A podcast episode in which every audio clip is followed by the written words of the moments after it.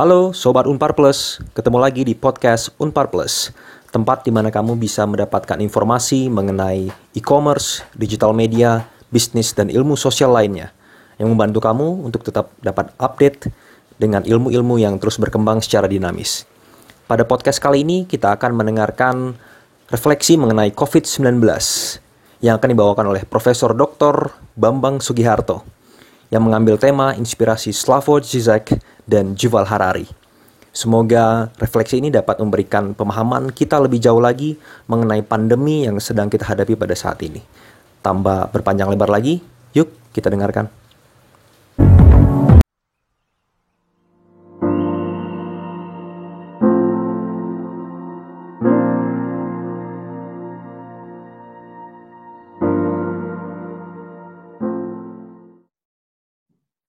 Oke, selamat malam Bapak Ibu, teman-teman, para dosen dan para mahasiswa. Selamat malam dan selamat bergabung di kursus filsafat Unpar atau HF Unpar. Bapak Ibu dan teman-teman sekalian, acara ini terselenggara berkat kerjasama antara Fakultas Filsafat Unpar dan Unpar Plus. Eh, Bapak Ibu dan teman-teman perlu juga tahu bahwa mengapa kita uh, berkumpul pada malam hari ini. Uh, utamanya adalah bagaimana kita ber, bereaksi, merespon, merespon fenomena atau pandemi COVID ini dengan sebuah refleksi, khususnya refleksi filosofis atau refleksi filsafat. Ini adalah sebuah momen, momentum yang penting bagi kita untuk merefleksikan sebetulnya siapa apa dan bagaimana diri kita semua sebagai umat manusia. Uh, saya memperkenalkan narasumber pada malam hari ini, uh, yaitu Pak Bambang Sugiarto. Halo Pak Bambang Sugiarto. Halo. Hmm. Baik, Halo. Bapak Ibu dan ya. Bapak Ibu dan teman-teman semua, beliau adalah uh, Profesor Bambang Sugiarto, Beliau adalah guru besar Fakultas Filsafat Unpar yang akan membawakan uh, presentasi pada malam hari ini yang berjudul Hikmah COVID-19. Um, sebelumnya saya mungkin akan memberi uh, beberapa aturan main pada malam hari ini. Um, nanti Pak Bambang akan presentasi selama kurang lebih 30 menit, kemudian dilanjutkan dengan acara tanya jawab. Nah, untuk tanya jawab nanti bisa memakai uh, eh, QA yang ada di tengah bawah. Pertanyaan-pertanyaan bisa disampaikan di QA. Nanti nanti setelah uh, presentasi selesai, baru saya akan membacakan pertanyaan itu dan kemudian Profesor Bambang akan menjawabnya. Kemudian jika ada persoalan teknis bisa Anda tanyakan lewat uh, fasilitas chat yang ada di bawah tengah itu juga. Lantas, uh, perlu kami beritahukan juga bahwa uh, peserta yang hadir 80% dalam acara ini akan mendapatkan sertifikat ECF nantinya. Lantas sebelum berakhir nanti, kami minta tolong kepada anda semua untuk mengisi survei singkat lah, mungkin makan waktu kurang lebih 30 detik. Oke, Bapak Ibu dan teman-teman sekalian, untuk menyingkat waktu, mari kita persilahkan, kita dengarkan Profesor Bambang dengan presentasinya. Silakan, Pak Bambang. Iya, um, terima kasih Pak Selamat. Iya, saya kita semua saya kira uh, ikut prihatin atas situasi kita Uh, tapi sekaligus juga kita merasa bahwa uh, situasi ini itu momen yang uh, penting sekali untuk uh, bangsa manusia secara global. Maka uh, selalu ada bagusnya kita apa namanya uh, merenungkan uh, pada level yang lebih dalam, yang lebih filosofis begitu signifikansi dari situasi kita ini ke depannya. Nah, uh, kita akan mengambil sebagai titik pijaknya itu uh, tulisan yang sudah tersebar, saya kira dari uh, Yuval Noah Harari dan Slavoj Zizek, filsuf Slovenia itu. Nanti saya akan mempresentasikan lebih ruhnya barangkali ya, tidak tidak persis uh, poinnya secara harfiah begitu. Jadi maksud besarnya masing-masing uh, pemikir itu sejauh uh, saya tangkap dan itu nanti akan kita jadikan um, apa namanya dapat uh, titik pijak untuk perenungan kita uh, selanjutnya gitu. Saya pertama-tama akan mempresentasikan dulu uh, pemikiran Harari, kemudian uh, Zizek, dan kemudian refleksi saya sendiri. Dan nanti sesudah itu mungkin tanya jawab. Jadi perkenalkan saya mempresentasikan dulu uh, ini. Iya. Jadi uh, judul pembicaraan kita adalah hikmah. Uh, hikmah apa yang akan kita uh, dapat gitu kurang lebih kalau kita mengikuti inspirasi dari Zizek maupun uh, Harari. Jadi um, tulisan dia itu The World After Coronavirus. Saya melihat tulisan itu fokusnya sebenarnya adalah um, bukan pertama-tama mengatasi ancaman virus hari ini sebetulnya, melainkan melainkan uh, dunia macam apa yang ingin kita bentuk dan tinggali sesudahnya gitu. Ada beberapa hal yang layak dipertimbangkan dalam rangka itu, yaitu uh, pertama ada sesuatu yang perlu diwaspadai. Banyak tindakan darurat dan tanpa pertimbangan matang yang kini kita maklumi saja gitu bisa dimanipulasi menjadi aturan tetap di masa depan. Khususnya tindakan pengawasan terhadap masyarakat oleh penguasa. Dan itu saya kira memang uh, perlu diwaspadai karena kelak penguasa bisa menggunakan segala tindakan yang sebetulnya darurat ini ya untuk uh, seterusnya gitu seakan-akan menjadi dilegitimasi gitu ya. Yang kedua, Bila kita dihadapkan pada pilihan antara pengawasan totaliter dan pemberdayaan warga, sebaiknya kita memilih pemberdayaan warga, katanya. Dengan catatan berikut.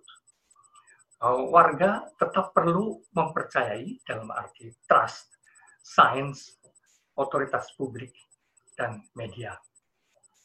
Ya saya kira itu jelas karena memang nanti akan kita lihat bahwa dalam situasi seperti ini yang memegang peranan utama itu memang sains ya dan otoritas publik. Yang kedua, eh, penggunaan data dan teknologi oleh pemerintah untuk pengawasan masyarakat harus memungkinkan masyarakat memantau kinerja pemerintah juga. Gitu ya. Jadi tidak tidak hanya eh, satu arah gitu. Harusnya uh, data maupun teknologi yang digunakan untuk memantau kita juga memungkinkan kita memantau kinerja pemerintah. Kita mesti memastikan itu. Lalu pertimbangan ketiga, data pribadi yang tertindai oleh teknologi cerdas harus terjaga dengan baik, karena itu memang data pribadi, dan diarahkan agar warga dapat mengambil tindakan bijak. Misalnya, bukan bukan uh, untuk lantas seperti menghakimi, mendakwa, gitu, tapi justru supaya warga sendiri masing-masing uh, apa ya mewaspadai diri sejauh mana kondisi saya membahayakan orang lain, apa yang perlu dilakukan dalam situasi darurat dan sebagainya. Ini kalau arahnya itu pemberdayaan warga, kira-kira begitu. Uh, yang ketiga, bila jalan keluar situasi kita adalah antara isolasi nasional dan solidaritas global, uh, memang Harari membuat uh, pilihan-pilihan uh, itu bila uh, pilihan kita itu antara isolasi nasional dan solidaritas global, maka pilihan kita sebaiknya adalah solidaritas global. Dalam arti berikut, yaitu antar negara saling bertukar info yang penting, saling bekerja sama dalam memproduksi dan mendistribusi perlengkapan kesehatan yang diperlukan, dan saling berbagi tenaga relawan. Yang kedua, bila dalam keadaan darurat perang, industri-industri pokok bisa dinasionalisasi, maka dalam upaya melawan musuh bersama ini, jalur-jalur produksi krusial perlu dihumanisasi. Dalam arti, diabdikan bagi kepentingan kemanusiaan bersama. Gitu. Lalu yang ketiga, agar krisis tidak berlarut semakin buruk, kerjasama ekonomi dan kesepakatan tentang lalu lintas perjalanan dalam skala global sangat diperlukan. Perlu kesepakatan yang levelnya itu memang global gitu. Supaya tenaga seperti tenaga medis, orang-orang yang berkepentingan, pemerintahan dan sebagainya bisa uh, apa namanya lebih mudah uh, apa namanya mengkoordinasikan pekerjaan antar negara. Lalu bila berbagai kerjasama yang diperlukan ini tidak mungkin dan negara-negara justru mementingkan diri sendiri sambil menyalahkan pihak-pihak lain, dan saya kira itu terjadi, kelak aneka bencana lain hanya akan menyeret kita pada penghancuran diri bersama. Saya kira ini memang yang perlu diwaspadai bahwa disadari atau tidak, sebetulnya coronavirus sekarang ini hanyalah salah satu kemungkinan bencana. Masih akan ada banyak bencana lain, seperti tsunami, eh, pemanasan global, dan seterusnya. Maka sebenarnya sejak saat ini, kerjasama global memang tak terelakkan. Kira-kira seperti itu intinya dari uh, Harari. Sekarang ke pemikir berikut yaitu Slavoj Zizek dengan tulisannya yang memainkan judul pandemik sedemikian di, desain sehingga bisa dibaca juga sebagai panik gitu. Ya, eh, fokusnya kurang lebih juga mirip-mirip gitu ya dengan uh, Harari. Fakta bahwa dalam krisis COVID ini bangsa manusia ternyata panik dan tidak siap untuk mengatasinya bersama, menunjukkan bahwa kita membutuhkan perubahan radikal dalam sikap mental dasar maupun kinerja sistemik global. Membutuhkan kenormalan baru. Ini kata kunci yang sekarang sudah beredar luas. Kita membutuhkan kenormalan baru dalam arti norma dan komitmen nilai baru. Ada beberapa hal dalam rangka itu yang perlu dipertimbangkan atau dilihat sebagai persoalan. Pertama, um, Zizek mengutip uh, Hegel yang saya kira ada perlunya juga. Uh, sikap berjarak atau seperti yang sekarang kita alami work from home menyadarkan kita pada paradoks bahwa justru dengan berjarak kita mengalami nilai orang-orang lain dalam hidup kita secara lebih penuh Artinya, kita makin menyadari pentingnya mereka itu, orang-orang lain itu. Tapi juga sebaliknya, seperti kata Hegel, kita melihat diri kita hanya dalam diri orang lain, sementara dia tetaplah bukan kita. Dengan kata lain, hubungan melalui mata belaka adalah justru isyarat menuju tingkat hubungan yang lebih substantif dan lebih sublim ya ini seperti menyarankan uh, pola hubungan yang lebih ke dalam gitu kan ya. Dan kalau menggunakan bahasanya Hegel, justru dengan saling bertatap mata itu uh, kontak itu bisa lebih mendalam daripada uh, saling bersentuhan. Begitu katanya kira-kira. Jadi kita bolak-balik kita melihat diri kita di dalam orang lain, tapi juga nilai orang lain bagi kita makin jadi terasa justru di dalam jarak. Yang kedua, um, kenormalan baru itu hanya bisa terbangun di atas puing-puing kenormalan lama. Saya memberi tekanan puing-puing itu uh, karena Zizek sepertinya memang menekankan itu. Artinya, pola lama perlu dibongkar dulu Sebab kita menghadapi banyak paradoks dalam hal ini, dalam hal mentalitas kita, situasi kita hari-hari ini. Yang pertama adalah ketika virus corona dimaknai lebih dalam, lebih dalam kita tafsirkan macam-macam itu, bukan sekedar uh, virus gitu kan ya, bisa macam-macam. Uh, tindakan kita malah tidak efektif. kita hanya terus-menerus mencurigai pihak lain sambil mengobarkan teori-teori konspirasi. Alih-alih melihatnya sebagai simptom alamiah konkret yang perlu dihadapi bersama. Dan saya sempat mengikuti itu apa namanya segala uh, video yang memperlihatkan yang memperlihatkan apa namanya kemungkinan teori konspirasi itu bisa konspirasi kaum Illuminati dan sangat meyakinkan sekali katanya begitu tapi juga bisa ada video lain yang melukiskan bahwa ini konspirasi China sendiri. Nah, itu juga meyakinkan. Ada yang bilang ini konspirasi Amerika sebenarnya. Itu juga sama meyakinkannya dan seterusnya. Sampai kita lupa bahwa apa pun juga sebetulnya yang kita hadapi itu simptom konkret. Sesuatu yang alamiah. Yang harus dihadapi bersama siapa pun yang bikin atau dari mana pun itu asalnya gitu ya. Lalu yang kedua, situasi itu ketika situasi menuntut trust terhadap kontrol penguasa, nyatanya kontrol penguasa justru melahirkan distrust di mana-mana. Uh, ya kita tahu reaksi masyarakat terhadap pemerintahan China, terhadap pemerintahan Amerika. Saya kira juga mungkin pemerintahan Indonesia. Uh, justru segala tindakan malah menimbulkan kecurigaan. Ini ini kan jadi uh, sebenarnya paradoks-paradoks yang real dan mesti dihadapi. Yang ketiga, di satu pihak situasi menuntut solidaritas dan gerak bersama. Tapi yang muncul malahan insting survival egoistik masing-masing untuk melindungi kelompok sendiri. Ya, ini juga tragis gitu. Dan justru yang viral sikap seperti ini gitu. Oke, dari situ paradoks-paradoks yang agaknya dianggap oleh Zizek memang perlu diatasi itu harus menjadi puing-puing perlu dibongkar dulu gitu kan. Perlu dibongkar dulu sikap-sikap seperti ini. Poin berikutnya adalah manusia dari zaman ke zaman sebenarnya sudah selalu terinfeksi. Ya ini tentu dalam artian metaforik gitu. Terinfeksi oleh berbagai jenis virus. Dan itu bisa virus macam-macam. Kalau versinya Richard Dawkins ini yang kita tahu katanya uh, manusia sudah selalu terinfeksi virus ruh katanya gitu ya.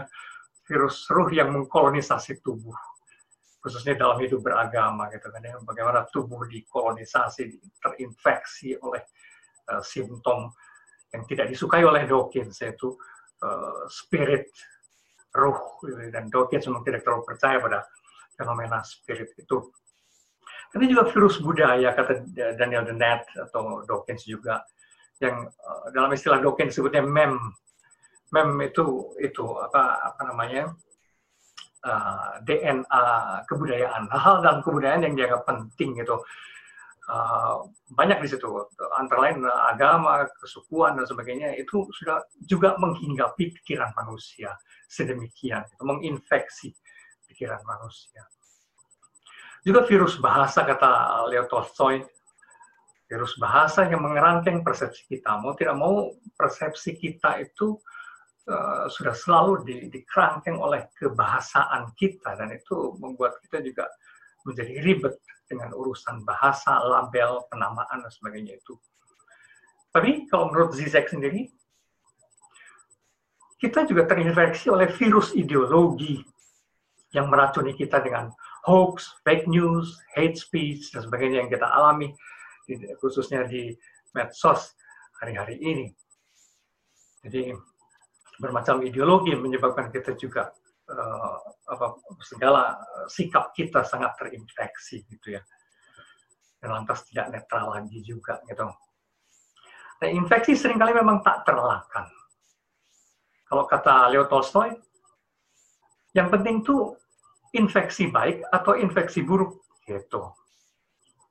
Bagi Zizek sendiri, yang baik adalah bahwa kita kini sama-sama terinfeksi oleh kesadaran bahwa kita memang perlu perubahan radikal dan global. Seandainya kita mind kita itu terinfeksi oleh kesadaran bersama seperti ini, ya itu sih bagus aja kata uh, Zizek. Lalu poin yang keempat, um, dalam rangka kenormalan baru ini, ya kita selalu menghadapi uh, kecenderungan yang gawat, yaitu barbarisme brutal dan primitif kata kata uh, Zizek gitu ya. Yang diperlukan bukanlah barbarisme brutal dan primitif yang menganggap situasi saat ini sebagai peluang bagus untuk survival of the fittest atau untuk manusia beradaptasi, mengurangi jumlah penduduk sedemikian, yang tua-tua maupun yang lemah di, dihilangkan saja supaya spesies manusia yang kuat saja yang bisa bertahan hidup dan sebagainya itu sikap seperti itu kalau menurut Zizek itu brutal dan primitif. Menurut saya ya mungkin iya juga sih ya. Tapi juga bukan bukan pula barbarisme dengan wajah manusiawi. Barbarism with human face gitu kan ya. Yang melakukan kekerasan tapi dengan penuh penyesalan dan simpati gitu kan ya. Uh, dengan segala maaf gitu kan ya karena kondisinya seperti ini saya harus membasmi anda gitu itu itu kekerasan yang sok sok manusiawi tapi ya tetap saja sebagai barbarisme. Dan celakanya ini bisa menarik karena dilegitimasi oleh para ahli, eh, para para virolog dan para eh, segala ahli yang yang melegitimasi eh, bahwa manusia-manusia jenis tertentu memang perlu dibasmi. Nah, bukan itu yang dibutuhkan itu, bukan barbarisme brutal dan primitif, bukan barbarisme dengan wajah manusiawi. Yang diperlukan adalah solidaritas dan koordinasi global, kata Zizek. Yang bekerja dengan prinsip-prinsip seperti ini, kira-kira kalau saya sarikan dari berbagai halaman itu. Ada prinsip-prinsip menarik. Eh, pertama, bantu tanpa syarat siapa pun yang terlemah dan membutuhkan bantuan itu kalau menurut Zizek ya. Lalu kedua, perluas penggunaan nalar di forum-forum publik. Justru karena tadi kita sudah lihat aneka paradoks yang beredar di publik yang sering kali menjadi sangat konyol dan tidak tidak cukup rasional dalam arti tidak proporsional gitu ya. Maka memang penggunaan nalar di forum-forum publik seperti ECF ini memang menjadi penting juga gitu ya. Ketiga, amplifikasikan kesadaran umum yang sudah mulai berkembang bahwa perang adalah kekonyolan tak bermakna. Jadi Zizek meyakini bahwa sebetulnya uh, di masyarakat umum, khususnya generasi muda uh, yang mempelajari sejarah, sudah mulai muncul uh, apa namanya keyakinan bahwa perang atas nama apa pun, atas nama Tuhan sekalipun gitu, itu tetap kekonyolan, kekonyolan yang tidak tidak ada artinya sih sebenarnya gitu. Nah, kalau memang ini uh, sudah berkembang, itu perlu diamplifikasi dalam arti diperbesar gelombangnya, di, diperluas uh, apa, infeksinya. Kalau tadi kita pakai istilah infeksi, begitu. Yang keempat, COVID bukan musuh yang harus diperangi. Maka istilah, kalau menurut Zizek, istilah perang itu rada mengecoh gitu kan ya seakan-akan itu musuh seperti seorang yang yang kita lantas berada dalam darurat perang itu itu tidak nyaman kalau saya. Ia hanyalah salah satu ancaman dari banyak ancaman yang harus diatasi bersama di di masa depan. Karenanya kerjasama membutuhkan kreativitas lokal di satu sisi, siapa pun yang bisa, misalnya dalam kasus sekarang ini, siapa pun yang bisa menemukan vaksin dan segala peralatan yang dibutuhkan untuk untuk mengatasi problem virus ya itu harus di harus diperbesar skalanya tapi juga koordinasi global. Jadi kreativitas lokal dan koordinasi global itu menjadi uh, kata kunci yang uh, menjadi sangat penting hari ini yang kelima adalah uh, kita perlu mengontrol setiap bentuk pengawasan dan kekuasaan gitu kekuasaan perlu mengawasi kita karena memang ini bagian dari koordinasi global juga. Tapi sebaliknya seperti yang diisyaratkan uh, uh, oleh Harari tadi sama. Jadi bukan hanya uh, pemerintah yang perlu mengawasi kita, tapi juga kita perlu mengontrol setiap bentuk pengawasan dan kekuasaan. Yang kemudian kemanusiaan baru hanya muncul jika kita berhasil menghindarkan bangsa manusia dari tendensi penghancuran dirinya.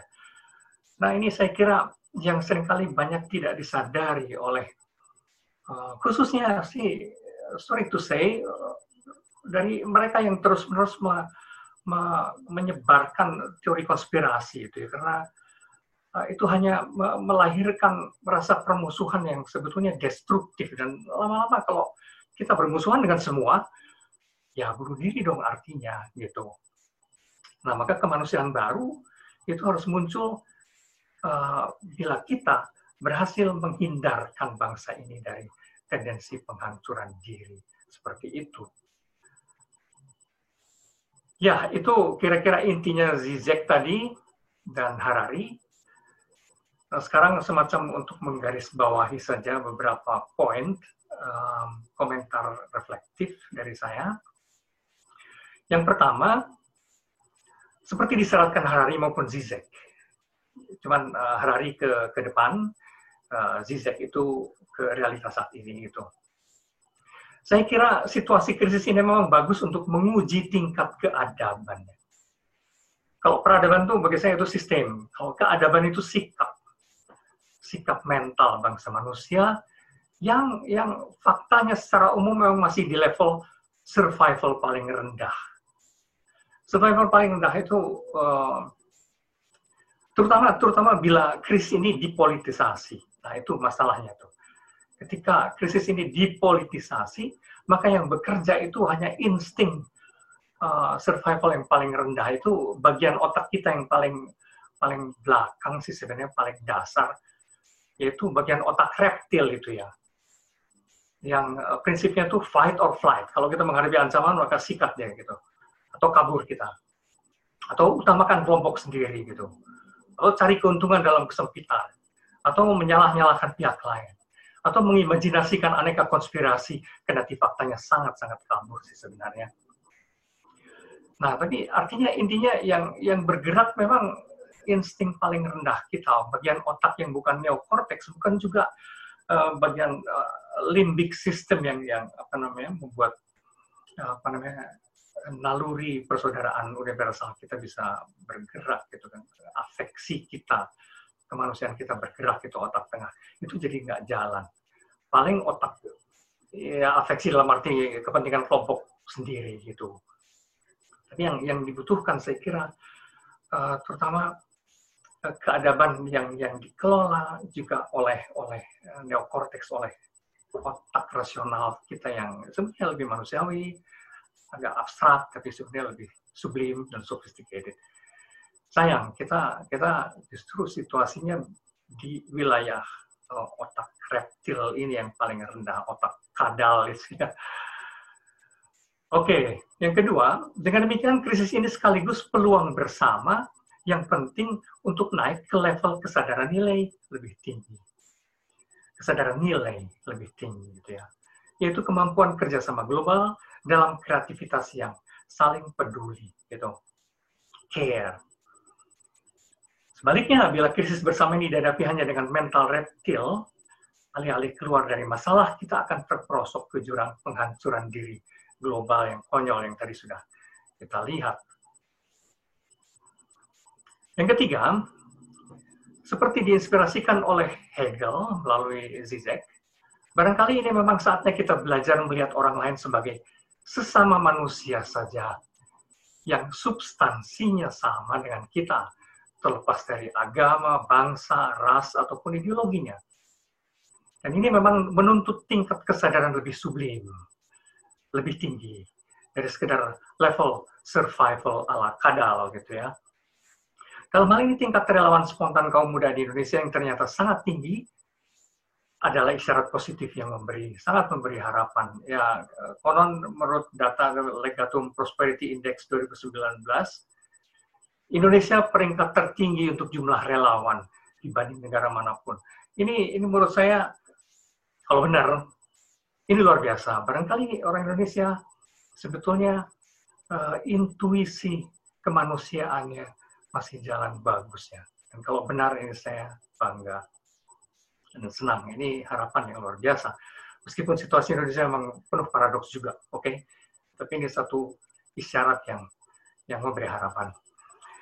Yang keempat, baik Harari maupun Zizek mengingatkan pentingnya mempercayai sains.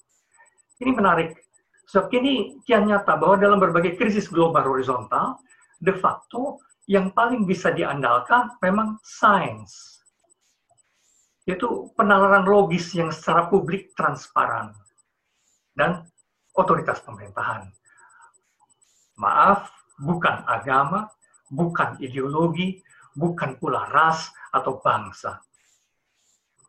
Di Indonesia saya kira ini sangatlah penting karena eh, kebalikan dari fenomen relawan yang sangat tinggi tadi kita, antusiasme beragama plus prasangka ideologis dan rasis masih terlalu sering juga membutakan kita. Hingga banyak hal menjadi kacau balau dan kontraproduktif. Terutama kalau ini dibumbui kepentingan-kepentingan politik yang nekat sekali dan serakah. Gitu. Saya kira ini sungguh berbahaya.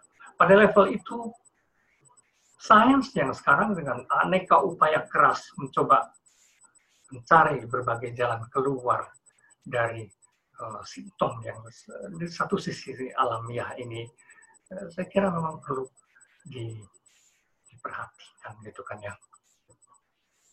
Terakhir, ya bersama Zizek, saya pun berharap agar melalui krisis COVID ini kita semua terinfeksi oleh kebutuhan untuk naik ke level kesadaran lebih luas dan lebih universal. Saya kira sebagai pancingan uh, itu saja dulu. Uh, dan silahkan kalau ada reaksi nanti.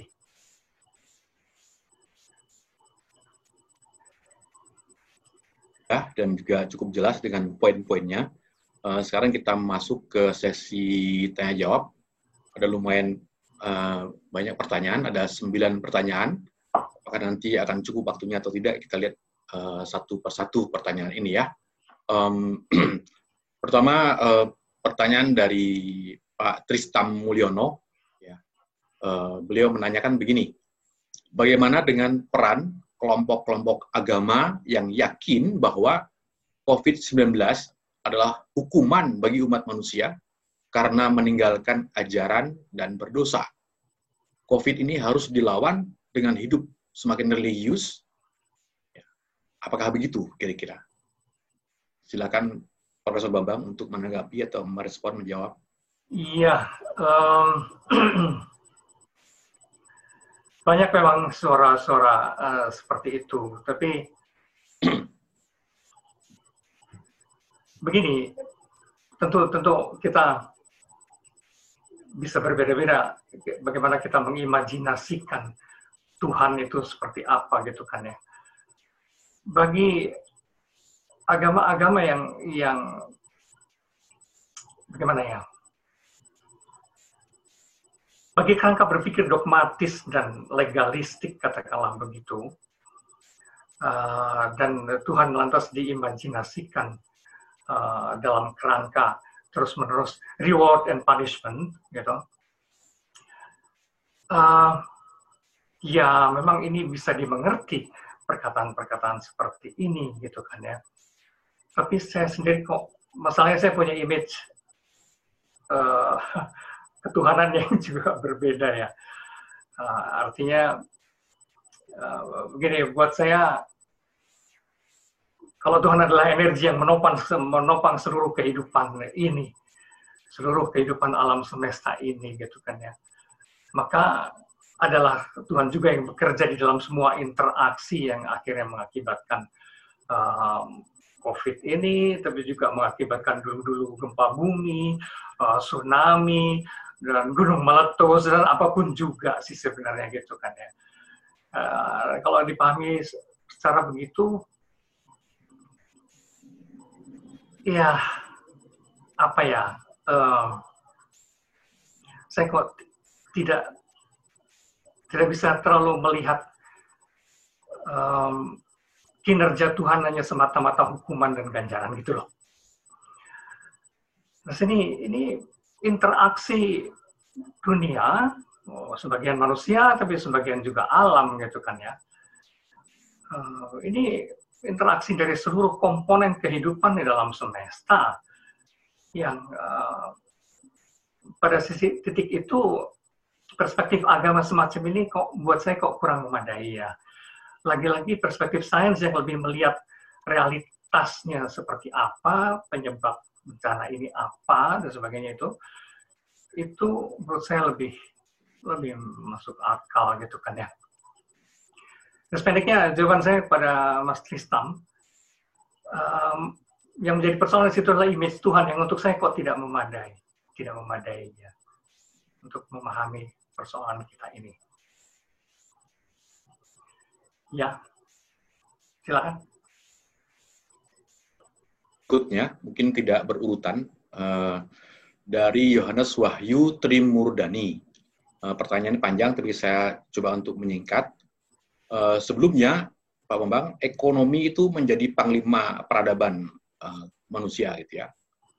Lantas, nanti otonomi macam apa yang bisa membuat kita bersatu membangun kesadaran baru?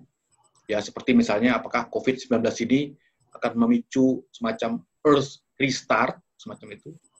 Earth restart ya. otonomi yang bisa memberikan seruan karismatik bagi segala bangsa karena dunia ini sudah terpecah oleh COVID-19 misalkan begitu. Ada semacam solidaritas baru macam apa? Seperti itu Pak Bambang Ya, tak ada seorang pun yang bisa meramal persis seperti apa karena bagaimanapun juga uh, kita mesti akui kapital kapitalisme itu korporasi-korporasi raksasa. Saya kira tidak akan mudah juga lenyap begitu saja gitu kan ya. Tapi uh, bagaimana saya tidak tahu ekonomi tipe apa, tapi um, sesuatu yang Eh, sistem di mana negara-negara uh, perundingan antar negara betul-betul bisa mengintervensi uh, ini ya apa namanya kinerja mekanisme ekonomi di dunia itu kira-kira kesepakatan seperti apa? Dan tentu ini uh, harus kesepakatan yang sangat mempertimbangkan kelompok-kelompok uh, marginal yang paling lemah, yang paling miskin, yang paling termasuk yang paling terkena dampak dari COVID ini, gitu kan ya. Ya saya tidak bisa menjawabnya secara secara sangat prediktif begitu sistem macam apa. Apakah uh, memang apa namanya Zizek uh, menyebutnya lo justru di sini uh, atau memberi isyarat seakan-akan bentuk-bentuk uh, ekonomi sosialis itu justru uh, yang akan uh, menang gitu kan ya setelah dominasi uh, kapitalisme gitu ya. Saya kok uh, kalaupun sosialis sosialisme tipe sama sekali baru yang uh, yang bahkan di China sendiri pun kan sudah berubah gitu kan ya. Bukan bukan bukan sosialis marxistik uh, purba begitu. Ini haruslah sinergi dari uh, bermacam bermacam aspirasi yang kita tidak tahu akan seperti apa. Maka ini momen yang sangat penting memang cuma level level sistem ekonomi baru macam apa saya agak sulit uh, membuat prediksi harus harus apa saya kira harus uh, para ekonom yang lebih rinci bisa uh, menjawab ini. Oke, terima kasih. Atas ada pertanyaan berikutnya dari Ibu Ratna Linda Lubis.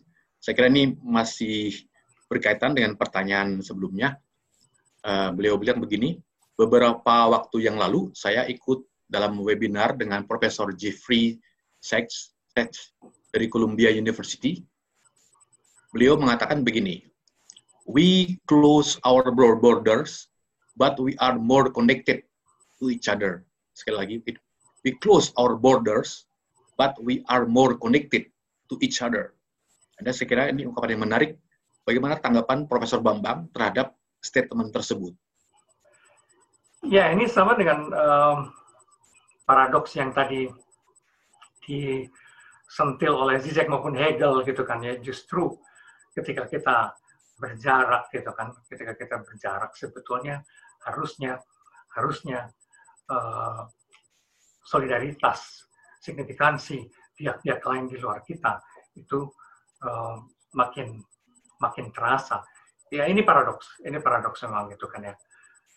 Uh, yang sejauh mana itu bisa dihayati secara konkret, sebenarnya saya sendiri masih tanda tanya karena karena ini betul-betul bentuk uh, kesadaran yang uh, yang sublim ya. Yang, kalau secara fisik bukalah border gitu segala border maka kita semua menyatu gitu kan ya. Uh, sebetulnya misalnya imigran kasus imigran-imigran temporary dari Suriah yang memberondong uh, Eropa gitu kan ya. Dalam hari itu border dibuka gitu. Tapi kan memang juga tidak mudah krisis yang terjadi di Eropa ternyata uh, betul-betul uh, memaksa uh, mereka yang di Eropa untuk berpikir kembali mengenai orang lain itu sesungguhnya siapa gitu. Jadi saya tidak sangat idealistik dalam hal ini uh, karena konsekuensinya juga uh, cukup serius. Tapi secara teoritis yang menarik adalah ketika uh, kalau border ditutup itu artinya pengakuan otonomi gitu ya simboliknya kurang lebih. Otonomi otonomi lokal itu memang tetap perlu di perlu di apa namanya perlu dihargai. Dalam hal itu ketertutupan. Tapi bahwa kita bisa saling poin-poin uh, yang kemudian adalah apa yang bisa kita sumbangkan bagi kesejahteraan uh, manusia pada level global. Nah itu kan soal idea uh, dan soal etikat baik kita. Ya. Terus menutup secara fisik tidak apa-apa kalau itu artinya bahwa kita menghargai otonomi setiap uh, uh, negara, lokal, regional gitu. Tapi ide lewat perundingan-perundingan ya tentu saja bisa bisa makin membuat kita merasa connected. Jadi kuncinya sebetulnya adalah kerjasama, bukan soal buka tutup batas ya. Baik, terima kasih. Ya, terima kasih. Berikutnya mungkin uh, ada yang masih penasaran dengan bentuk solidaritas baru atau kenormalan baru di masa depan gitu. Jadi ini ada pertanyaan dari Undi Gunawan. Dia bilang, saya bersama rekan yang lain berkesempatan membahas buku Zizek. Ya, pertanyaan untuk Profesor Bambang.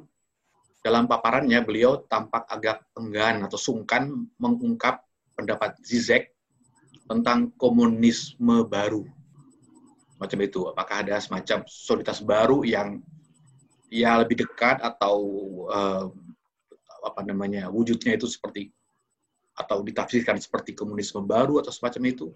Apa pendapat Profesor Bambang dengan istilah ini? Iya, um, saya memang sengaja menghindarkan dari apa namanya label-label itu karena karena apalagi di Indonesia ya, ketika orang masih sangat nyinyir terhadap semua label-label formal gitu kan ya, saya khawatir justru substansi idenya malah tidak tertangkap gitu kan ya. Tapi ya benar apa namanya Zizek itu menggunakan banyak uh, istilah itu ya um, apa namanya dia menyebut gagasan dia ini uh, disaster communism, terus apa lagi ya? Uh, sebentar saya mesti lihat ada beberapa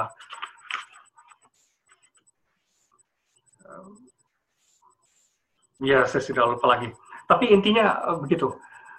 Di sini bukan komunisme dalam artian uh, utopis katanya gitu karena dia menganggap diri sebagai ater realis, justru dia mau coba bersikap realis saja. Dan justru kelemahan kelemahan dari uh, tulisan Zizek ini justru karena dia seperti mempromosikan uh, label itu juga gitu yang sebenarnya sayang, sayang. Karena karena uh, label itu mudah sekali me, me, mem, membuat kita jadi tidak melihat beberapa poin yang menarik gitu kan label komunisme baru katakanlah apa sih namanya dia menyebutnya itu itu membuat agak-agak mengganggu isi yang sebetulnya layak dipertimbangkan gitu loh. Mas Undi, uh, sebenarnya itu, itu kan ya. Jadi mas sengaja saya karena karena di Indonesia itu begitu ribet sekali dengan label. Kalau kalau sedikit berbau agak ekonomi bebas saja, wah neoli begitu kan ya kalau disebut eksplisit gitu komunisme, wah ini sebetulnya infeksi komunisme masuk Indonesia dan sebagainya melalui saya itu itu kan hmm. ya kan bukan maksudnya gitu ini ini refleksi filosofis yang yang mencoba melihat eh, gagasan-gagasan uh, yang uh, menarik atau tidak menarik itu dari substansinya bukan dari sudut labelnya. Begitu Mas Udi. Ya baik.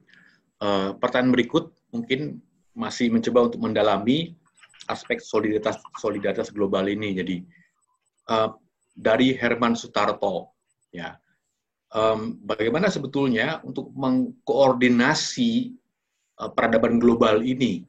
Ya ini memang pekerjaan yang sangat sulit karena setiap bangsa masih katakan saja diliputi oleh kepicikan-kepicikan lokal maupun nasional yang selalu melihat ke dalam ke kelompok masing-masing atau egoisme kelompok semacam itu.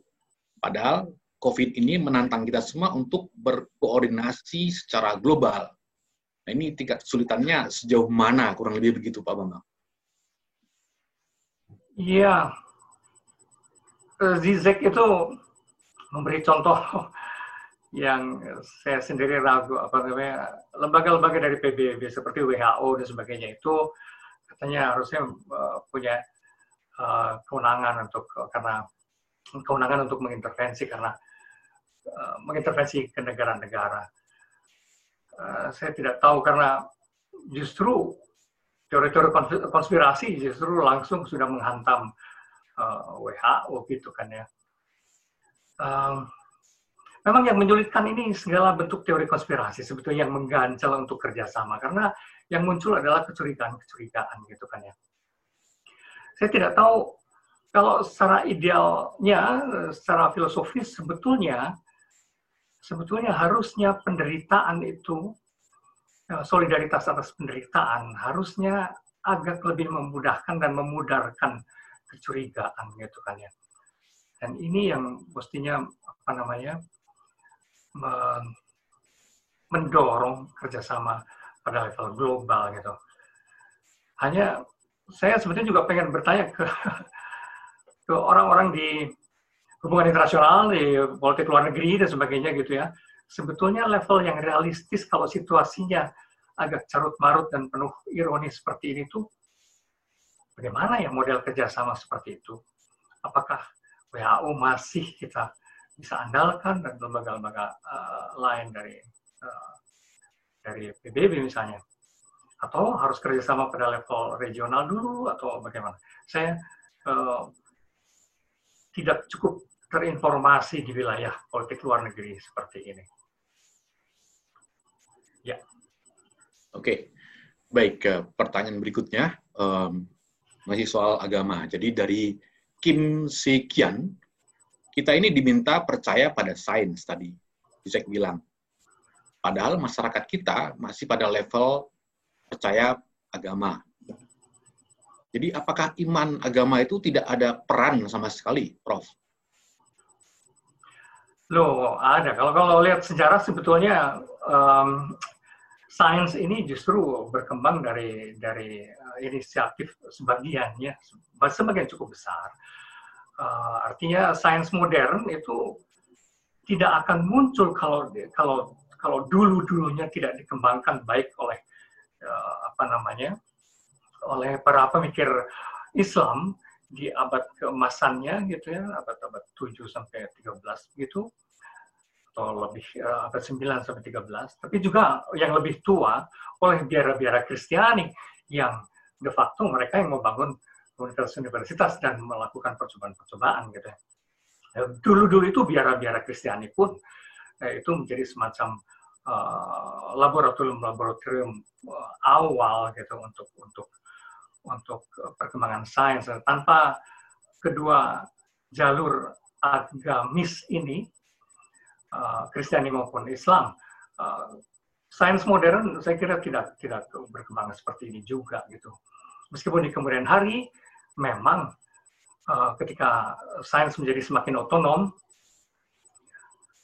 ya uh, seperti bertabrakan justru dengan agama. Karena memang uh, perspektif sains yang uh, materialistik bagaimanapun uh, serba keterukuran dan sebagainya itu uh, de facto sudah membawa kecenderungan bahkan yang cenderung ateistik begitu kan ya. Seberapa masih penting sebetulnya iman dan sebagainya? Sebenarnya kalau lihat sains dalam arti yang yang lebih mutakhir katakanlah uh, yang lebih terbuka. Kalau pakai istilah siapa namanya Ken Wilber itu broad science atau seperti juga deep religion, uh, deep science, katakanlah begitu, sebetulnya uh, tentu saja ada dan saya lebih percaya pada itu sebenarnya gitu kan bahwa bahwa ketika semuanya ini uh, dilihat misalnya sebagai interaksi energi maka energi imani kepercayaan uh, dan sebagainya itu sebetulnya harusnya merupakan uh, daya dorong yang menarik Masalahnya begini, nah, ini juga saya kira perlu perubahan ya. Uh, ini juga momentum yang bagus untuk untuk perubahan. Kepercayaan itu kan ada ada kalau dalam bahasa Inggris itu ada belief dan ada trust gitu kan ya. Sayangnya agama-agama tuh levelnya masih percaya dalam artian believe in something dalam dalam arti dogmatis gitu. Percaya percaya bahwa bla bla bla lantas urusannya dogma lantas di luar dogma itu semua salah. Nah kalau levelnya begini ya memang susah. Karena terus menerus urusannya adalah di luar apa yang saya yakini semua sepertinya salah dan berbahaya. Nah kalau iman seperti ini menurut saya kok sulit ya. Sulit dalam situasi seperti ini untuk masuk ke dalam kerangka berpikir sains. Tapi kalau kalau artinya ini kerangka berpikir dogmatik tadi saya belief uh, percaya uh, bahwa barangkali lebih akan lebih strategis kalau iman itu percaya kepada ya trust ya bukan belief ya bukan bukan sesuatu dalam frame dogmatik gitu kan ya. Tapi trust. Trust kepada kepada value kalau trust itu bukan kepada dogma. Trust itu kepada value. Bahwa kita semua yakin percaya bahwa kemaslahatan bagi semua kesejahteraan bagi semua perdamaian kasih sayang solidaritas bagi semua yang terlemah dan menderita dan sebagainya itu tuh itu yang lebih penting daripada sekedar dogma dogma adalah jalan menuju itu gitu kan ya jalan untuk menegaskan ke dalam, menegaskan pentingnya value-value dasar itu. Pentingnya kasih sayang, pentingnya solidaritas, pentingnya keadilan, dan sebagainya. Nah, jadi nilai-nilai ini tetap universal. Dan kita percaya bahwa ini universal. Tapi bagaimana kita memahami nilai-nilai ini, bagaimana keadilan dipahami secara Buddhis, secara Katolik, secara uh, Islam, ya itu itu dogma. Nah, memang berbeda-beda cara memahaminya. Tapi kita percaya bahwa keadilan adalah keadilan. Keadilan itu bernilai untuk semua. Kasih sayang itu bernilai untuk semua. Kepedulian itu bernilai untuk semua. Tapi peduli itu dipahami sebagai apa? Dalam Buddha barangkali dikaitkan dengan Dharma, seperti dalam Hindu, atau apa ya, di dalam Islam dipahami uh, uh, dalam kerangka keadilan ke ke apa namanya mengentaskan kaum duafa dan sebagainya dalam dalam Kristianitas barangkali uh, dikaitkan dengan uh, apa kasih sayang Yesus dan sebagainya. Terus dogma itu kan cara kita, cara spesifik kita memahami tapi juga menegaskan nilai-nilai universal itu. Nah kalau agama diarahkan ke situ, lebih ke value bukan ke dogmanya, wah akan sangat berguna itu. Itu menjadi energi yang akan memotivasi kita bekerja sama. Begitu kira-kira. Baik, masih terkait uh, pertanyaan berikutnya dari Mas Subelo Wiono. Uh, bukankah sains itu juga memiliki keterbatasan, Prof? Gitu ya. Memang mungkin tidak harus agama, tapi bagaimana dengan kedudukan kearifan lokal.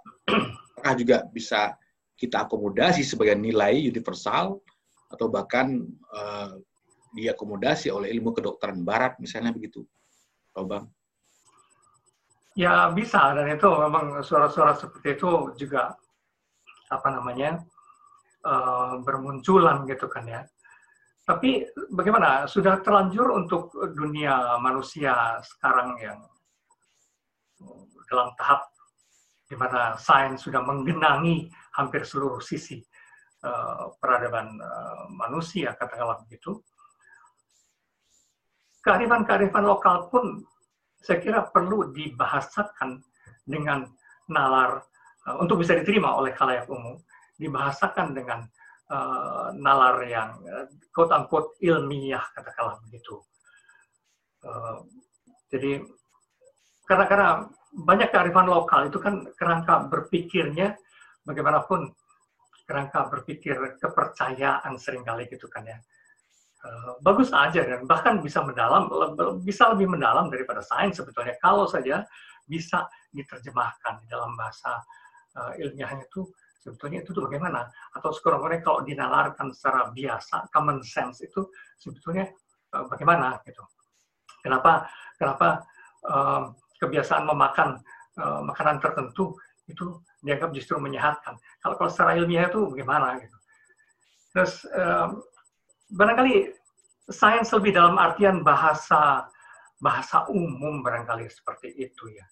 Inspirasinya bisa datang dari mana pun dan saya memang percaya juga uh, apa namanya berbagai kebudayaan lokal yang sudah hidup begitu lama bisa ribuan tahun gitu kan ya kebiasaan-kebiasaan yang diyakini sedemikian uh, sebagai efektif gitu. Itu ya tentu akan akan bermanfaat. Misalnya kemarin saya baru baru uh, apa namanya berbincang-bincang juga soal apa hubungannya meditasi misalnya gitu kan ya. Meditasi yang di dalam tradisi Hindu, Buddhis itu menjadi sangat penting, tapi juga dalam Kristianitas itu dianggap penting. Itu mengapa penting kalau dikaitkan dengan ini, misalnya gitu. Lantas ada orang membahasakan bahwa meditasi itu pertama me, uh, mengembalikan kita pada sumber energi yang lebih asali. Kedua, uh, dia justru meningkatkan imunitas gitu seperti halnya juga doa dan sebagainya karena itu gelombang energi dan itu itu meningkatkan juga imunitas. Nah kalau misalnya dibahasakan seperti itu ya bagus lah. Masalahnya ini kan soal mm, dalam banyak hal seperti ini memang persoalan penerjemahan ke dalam bahasa ilmiah gitu bahasa bahasa lokal ini. Kira-kira begitu Mas Fion. Ya baik terima kasih Pak Bambang. Uh, berikutnya itu ada pertanyaan yang cukup unik dari saudari Erwina. Jadi pertanyaannya begini, akhir-akhir ini muncul juga istilah berdamai dengan COVID. Nah, apakah kenormalan baru ya yang yang akan kita hadapi bersama terkait juga dengan sikap kita yang mencoba untuk berdamai dengan COVID? Apakah itu bagian dari kenormalan baru itu, Prof? Kira-kira? Saya, ya saya juga setengah dengar itu berdamai. Dan saya tidak terlalu paham sih sebenarnya. Berdamai itu apa ya? Hmm. biarin deh gue kena covid. Emangnya kan nggak gitu gitu kan. Uh, uh, gimana ya? Barangkali berdamai dalam artian uh, perspektif melihat bahwa ini hanyalah salah satu bencana di antara begitu banyak kemungkinan bencana lain yang masih akan kita hadapi. Seperti itu. Uh, sikap yang uh, bukan pertama-tama khawatir barangkali, tapi lebih ke apa yang kita bisa lakukan bersama menghadapi bencana bersama. Barangkali lebih ke arah itu berdamai itu seperti membalikan uh, mindset yang tadinya penuh ketakutan ke mencari upaya ke arah solusi, barangkali berdamai lebih positif dalam artian itu yang saya pahami. Saya memang tidak terlalu mengerti istilah itu meskipun saya sering mendengar juga uh, ada perlunya kita berdamai dengan COVID. Ya, apa ya? Bahwa COVID itu berbahaya, tetap aja berbahaya gitu. Bagaimana kita berdamai dengan para perampok gitu kan ya? atau berdamai dengan uh, calon pembunuh kita gitu kan ya itu saya juga rada kurang paham bagaimana gitu kita bermanis-manis dengan covid atau gimana ya? Agak uh, saya sendiri agak kurang uh, paham sih sebenarnya. Tapi saya melihatnya lebih bagaimana kita lebih bersikap positif instead of uh, being afraid of it uh, gitulah kira-kira. Lebih tekanannya pada apa yang sebenarnya bisa kita lakukan bersama gitu. Di sini saya dalam beberapa hal memang agak sulit menjawab karena membutuhkan level uh, kesadaran dan mindset yang yang baru ya. Uh, gitu kira-kira dan kita belum tahu arahnya prosesnya ke mana gitu. Selain apa belajar lebih solider, berupaya lebih kreatif bersama-sama, gitu. barangkali berdamai seperti itu. Oke, mungkin uh, masih ada dua pertanyaan singkat lagi, boleh Pak Prof? Ya, ya, oke. Okay. Oke. Okay. Dari Hendro Yosua, jadi apakah kemajuan kesadaran tentang kemanusiaan orang Indonesia khususnya itu bisa dibuktikan dengan tingginya jumlah relawan dalam rangka penanganan COVID-19 uh, bukan didorong oleh kesadaran sains, uh, sorry, didorong oleh kesadaran sains ya, dan bukan oleh kesadaran religius itu. saya nggak tahu saya masih percaya bahwa begini orang Indonesia itu dalam banyak hal memang sentimental kan sentimental ya. Uh, pada level itu sih ada sisi apa namanya limbik sistemnya itu ibarat atau atau hati agak terbatas kalau kita bicara otak. Barangkali hati ya dalam kalau kalau itu uh, kita masih bisa pertanyakan itu ya. Tingkat relawan yang uh, katanya konon sangat tinggi itu apakah itu memang mencerminkan gerakan hati uh, atau solidaritas universal atas sikap kemanusiaan atau gerakan hati yang apa lebih sentimental tidak tahan melihat orang lain menderita? Barangkali sebagai awal juga ya, tidak apa-apa seperti itu gitu. Tapi seperti halnya uh, dalam uh, refleksi filosofis ya tindakan karitatif itu baru tindakan yang memberi, memberi uh, apa namanya sedekah, memberi apalah gitu. Itu kan dalam rangka solidaritas dan kasih sayang itu baru tindakan awal gitu kan ya. Kalau dalam oh, tindakan yang lebih yang lebih jauh sebetulnya adalah yang lebih sistematik bagaimana kita eh, mengentaskan betul orang-orang itu memberdayakan betul para korban itu dan sebagainya itu tindakan yang lebih jauh dari sekedar karitatif, memberi atau dari sekedar rasa iba gitu kan ya. Itu awal yang bagus. Maka uh, memang kita perlu melihat juga lebih jauh. Misalnya, selain tingkat um, relawan yang tinggi itu, seberapa bersungguh-sungguh dan kreatif para ilmuwan-ilmuwan kita uh, mencoba berupaya melahirkan uh, vaksin, peralatan baru, apa pun, melakukan eksperimen-eksperimen untuk untuk mengatasi bahaya ini. Kalau ternyata itu pun uh, cukup tinggi, dan saya melihat memang juga beramai-ramai sih universitas-universitas mulai mulai melakukan sesuatu yang cukup signifikan. Uh, dan saya sebenarnya senang juga melihat itu. Dan dari sudut itu saya pun tidak tidak pesimis melihat orang Indonesia gitu. Lagi pula sebenarnya dari sudut eh, sejarahnya nih kalau ini orang Indonesia itu juga pada level bawah sadar sebenarnya memiliki tingkat toleransi yang harusnya cukup tebal karena sejak awal kita sudah selalu plural gitu ya. Dalam hal ini solidaritas terhadap segala manusia universal itu sebetulnya harusnya bakatnya cukup besar loh di Indonesia ini. Cuma kan Celakanya, uh, sorry to say, agama-agama besar ini justru sering kali mempertebal, mempertebal uh, apa namanya sense belonging yang uh, agak sempit ke kelompok sendiri, ke agama sendiri, ke suku sendiri, ras, sebagainya gitu. Um, sayang sebetulnya gitu. Jadi kalau kalau pada pada bakat kulturalnya adalah mental kultural, saya kok masih yakin ya sekurangnya pada level bawah sadar, spontanitas orang Indonesia harusnya uh, masih sangat uh, bisa diharapkan. Kalau saya lihat orang-orang uh, orang sederhana yang hidup di sekeliling saya, di, di sekeliling rumah saya, itu spontanitas mereka juga udah nggak peduli lagi agama atau apa, dan mereka bekerja sama. Dan sangat sadar, ini -orang sederhana sebenarnya gitu kan ya. Nah ini pada level mental kultural.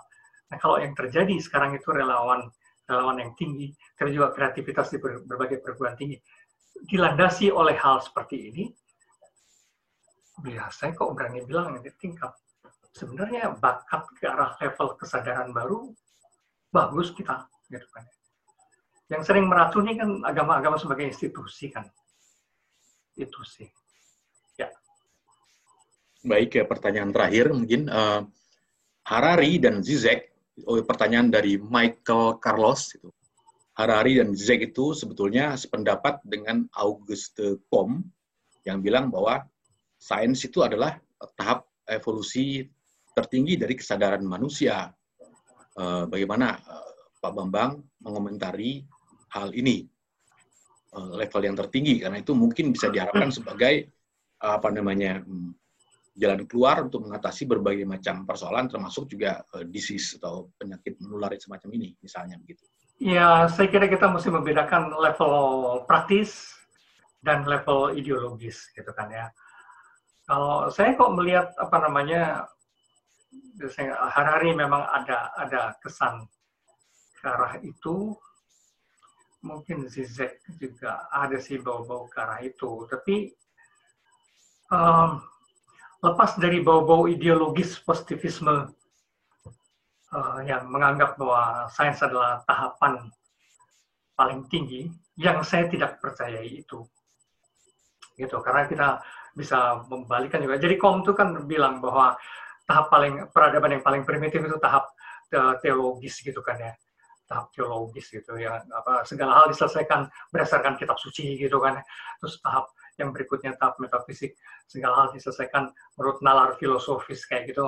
Dan tahap tertinggi adalah ketika segala persoalan diselesaikan uh, berdasarkan uh, nalar uh, empirik dan dengan bukti dan terukur dan rasional dan sebagainya ala sains itu menurut kom tapi tapi anggapan ini buat saya itu anggapan ideologis karena bahwa kita percaya sains itu selalu mencoba dengan jatuh bangun untuk mencari duduk perkaranya secara seobjektif mungkin gitu kan ya. Dengan aneka kesalahan dengan aneka percobaan dan mengumpulkan eh, dengan kehati-hatian mengumpulkan segala bukti dan sebagainya itu pada level bukan ideologis pada level praktis ini tetap yang kita bisa pegang bersama dalam situasi krisis seperti ini gitu kan ya Nah, kalaupun saya bersimpati pada Harari dan Zizek, hanya pada level praktis ini, tidak pada level ideologis. Um, karena kalau pada level ideologis, saya, saya bisa bilang, sains itu sangat terikat pada level material dan terukur dan uh, sangat matematis dalam hal itu gitu kan ya. Dan itu sangat terbatas juga. Itu bahkan bisa kita bilang itu level paling rendah sebenarnya. Bisa juga kita bilang begitu. Tahap yang lebih tinggi sebenarnya adalah tahap metafisik, tahap dalam arti filosofis karena itu uh, abstraksi tingkat dua uh, yang uh, apa namanya menggunakan nalar yang sebenarnya lebih tinggi. Dan tahap yang lebih tinggi lagi sebenarnya tahap teologis bisa juga begitu, artinya dibalik gitu kalau pada level ideologis. Justru agama-agama uh, itu menuntut kesadaran tingkat yang jauh lebih tinggi daripada sekedar uh, level material, empirik, dan terukur kan kita bisa membalikan seperti itu kalau pada level ideologis. Uh, jadi uh, tidak kalau level ideologis saya tidak terlalu ke arah mereka, tapi bahwa pegangan praktis kita kurang lebih uh, ya masih masih bisa dan, dan terbukti juga ke sains dalam banyak hal memang harus bekerja mencari seobjektif mungkin, seterukur mungkin, sebagainya. Saya kira itu etos yang tetap penting. Terus kita mesti membedakan tidak uh, sisi ideologis dan sisi praktis gitu kan ya. Sains akan selalu begitu, tapi tidak tidak uh, segala yang dilakukan sains lantas identik dengan ideologi positivistik gitu kan ya. uh, itu saya kira kita juga mesti memilah. Ya, terima kasih. Ya. Saya kira itu. Ya. Baik, Profesor Bambang Sugiarto, terima kasih atas presentasinya yang menarik dan sangat inspiratif pada malam hari ini. Uh, kami mohon maaf kepada para penanya, mungkin tidak semua pertanyaan uh, kami pilih untuk dijawab gitu, uh, karena terbatasnya waktu juga. Nah, Bapak Ibu dan teman-teman, hmm, saya tidak mengambil sebuah kesimpulan besar, tapi mungkin sedikit highlight lah bahwa mari kita semua mengembangkan solidaritas kemanusiaan, apa pun bentuknya, kita coba untuk melihat manusia sebagai sesama, sebagai spesies semacam itu, sehingga uh, kenormalan baru itu betul-betul uh, apa namanya makin hari me, apa ya membentuk membentuk kemanusiaan yang semakin universal dan semakin konkret. Ya, kita harapkan semoga uh, kemanusiaan ini kemanusiaan yang uh, positif uh, tanpa memakai istilah ideologi-ideologi yang uh, yang katakan saja uh, banyak menimbulkan persoalan atau mencurigakan semacam itu.